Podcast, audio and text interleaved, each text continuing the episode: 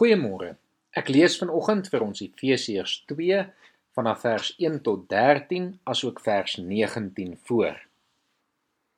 Julle was dood as gevolg van julle oortredings en sondes wat voorheen julle lewenswyse gekenmerk het.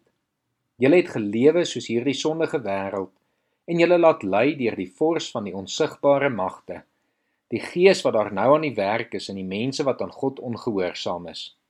So het ons trouens vroeër ook almal gelewe. Ons is deur ons sondige begeertes oorheers en het gedoen net waartoe ons luste ons gelei het en wat in ons gedagtes opgekom het. Vanweë ons sondige natuur sou ons net soos die ander mense deur God gestraf moes word. Maar God is ryk in barmhartigheid en het ons innig gelief. Deur sy groot liefde het hy ons wat dood was as gevolg van ons oortredings saam met Christus lewend gemaak. Uit genade is jy gered.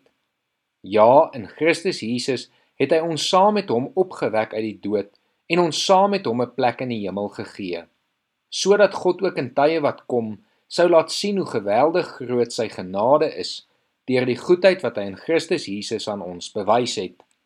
Julle is inderdaad uit genade gered deur geloof.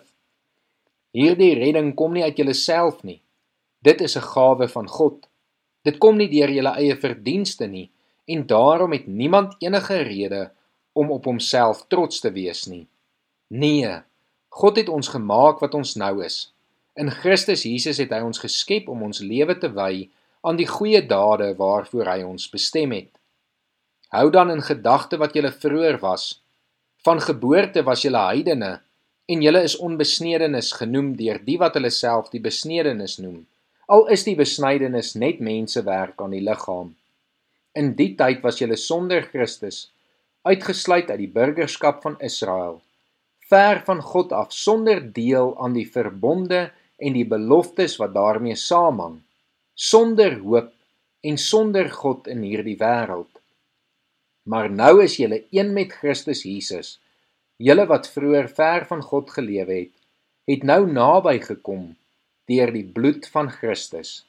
Julle is dus nie meer ver van God af nie, nie bywoners nie, maar medeburgers van die gelowiges en lede van die huisgesin van God. Om te verstaan wat word met vryspraak bedoel, is dit nodig om weer te besef watter identiteit ons eens op 'n tyd gehad het. Elkeen van ons het oorspronklik 'n verlore identiteit gehad. Ons was sondaars. Ons elkeen sou voor God as regter skuldig bevind geword het en tot die doodstraf veroordeel moes word. Dit is wie ons was. Maar God kom deur sy liefde en spreek ons vry.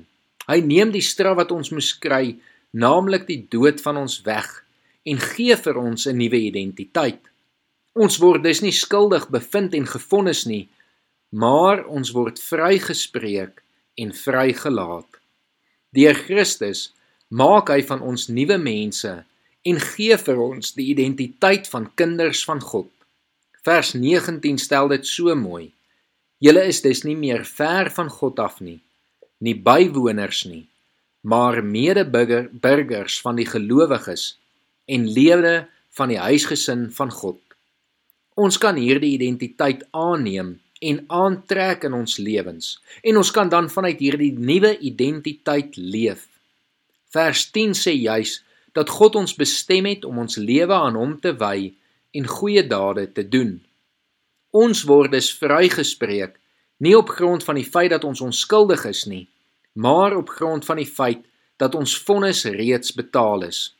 Ons vryspraak is bewerkstellig deur Jesus se dood aan die kruis die een wat namens ons ons straf gedra het.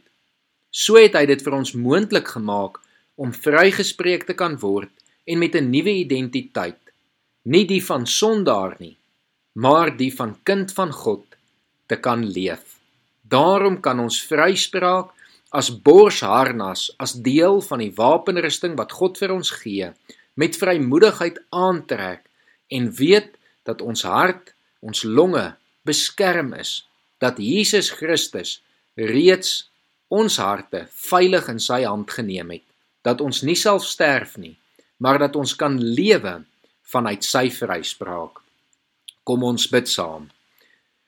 Here, dankie dat U ons vrygespreek het. Here, dankie dat U vir ons so lief was dat U nie bereid was om ons te vonnis nie. Here, dankie dat U bereid was om self mens te word en self die straf wat ons verdien het op U self te neem en dit te kom dra. Here, ons is lief vir U. Ons dankie daarvoor, Here. En ons wil graag ons lewe nou aan U wy en volgens U wil wil ons lewe. Ons bid dit vanoggend in Jesus se naam. Amen.